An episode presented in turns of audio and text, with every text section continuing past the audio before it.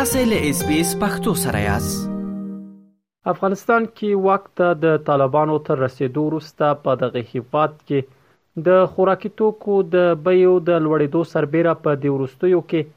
د نفتي توکو په تیره د تیلو بیې لوړې شوې دي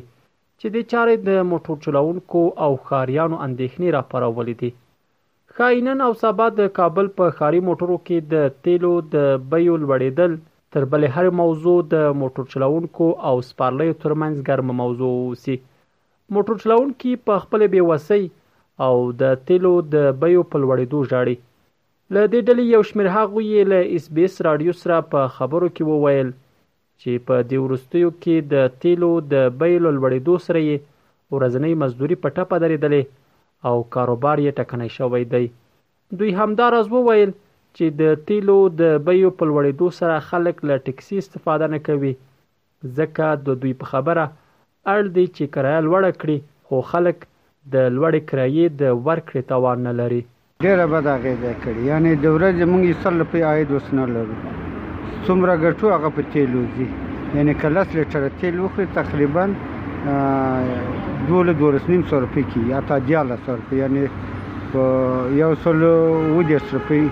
تېل ځي. پخوا ډېر ښه و چې کاروبار یعنې ټکسیوان اسره تېل ده، که تېل چېرته ارزانه وي ټکسیوان روزي یعنې. کور چلولای شي کنې هغه نه بغیر ډیر مشکل دی خلکو اقتصاد هم ضعیف ده والا هغه ته چې مثلا 50 روپے کجیا ترته 50 زیات نه څه خپل مقدار کرایه ټاکل کرایه نه چور کوله روزګار نشته کاروبار نشته وظایف نشته معاشونه نشته خو خو چې و تیل ارزانه و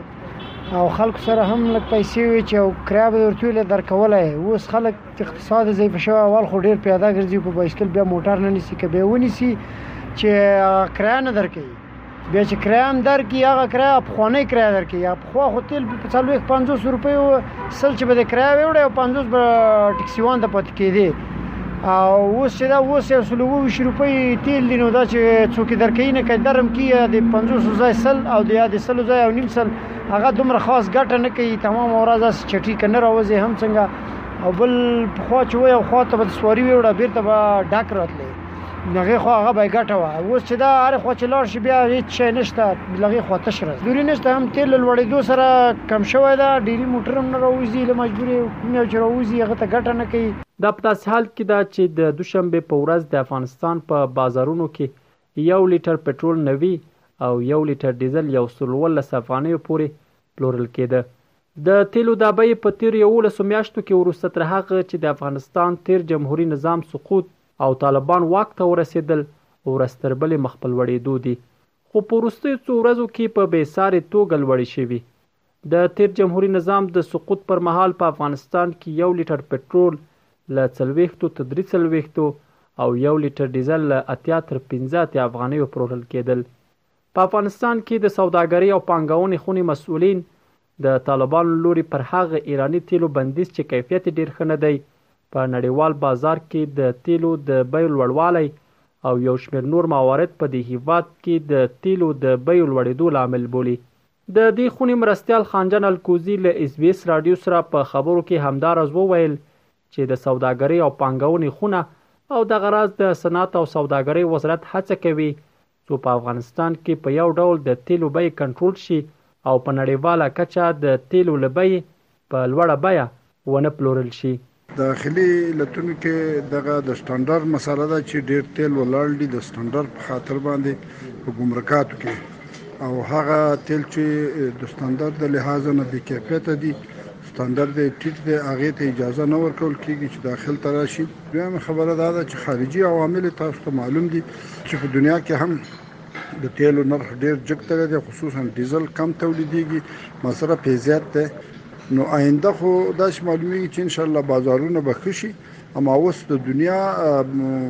بحران چې تاسو وینئ او د هغې ته په کتو سره د همسایه ملکونو په تناسب باندې په افغانستان کې تیل ښه روان دي نو دې لپاره وزارت تجارت او امارت اسلامي هم تدابیر نیولې دي په ګمرکونو کې د تدابیر نیول شوې دي په هغه ثابت نرخ باندې چې راځي په ماغه نرخ ورته نرخ ورکول کیږي تاک تجارت او سرمایه‌ګذاري هم تدابیر لري هر وخت د مربوطه اتحادیې سره په ارتباط په تماس کې دي چې تیل نرخ ثابت وساتل شي د اقتصادي چارو کارپوهان وایي دا چې د افغانستان اقتصادي چرخه تر ډېره بریده په صادراتو ولاړه ده، نو له همدې امله د روسیې او اوکراین ترمنځ جګړې نړۍ کې په اقتصادي او سیاسي وضعیت اغېزه کړې، چې دې چارې مستقیمه اغېزه په افغانستان هم کړې.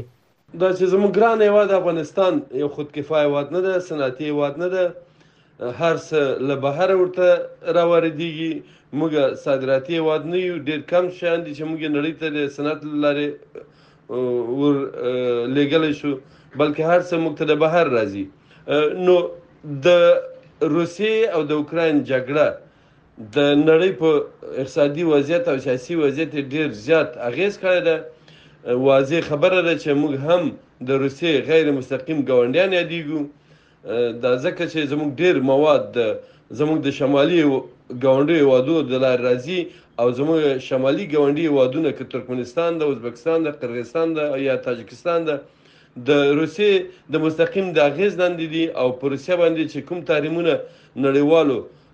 لګولې دي د دې تاثیرات په دې وادو ده او بیا زموږ په واد هم مستقیما اغیزه کولای شي ځکه زموږ ډیر څه د همدغه شمالي ګاونډیو د لارې څخه د اروپا نه او یا هم خپله د روسیې نه راتلل کله چې هلته بیه لوړیږي واضح خبره ده چې په افغانستان کې هم د ډیرو نورو توکو ترڅنګ د تیلو بیه لوړیږي او دا په ټوله نړۍ کې لوړه شوې ده د یادونه ده چې په افغانستان کې د تیلو بیه داسې مهال لوړې شوې دي چې اوس مهال په نړیوال بازار کې د تیلو د خام مواد په بیو کې ورستربلې کموالی راځي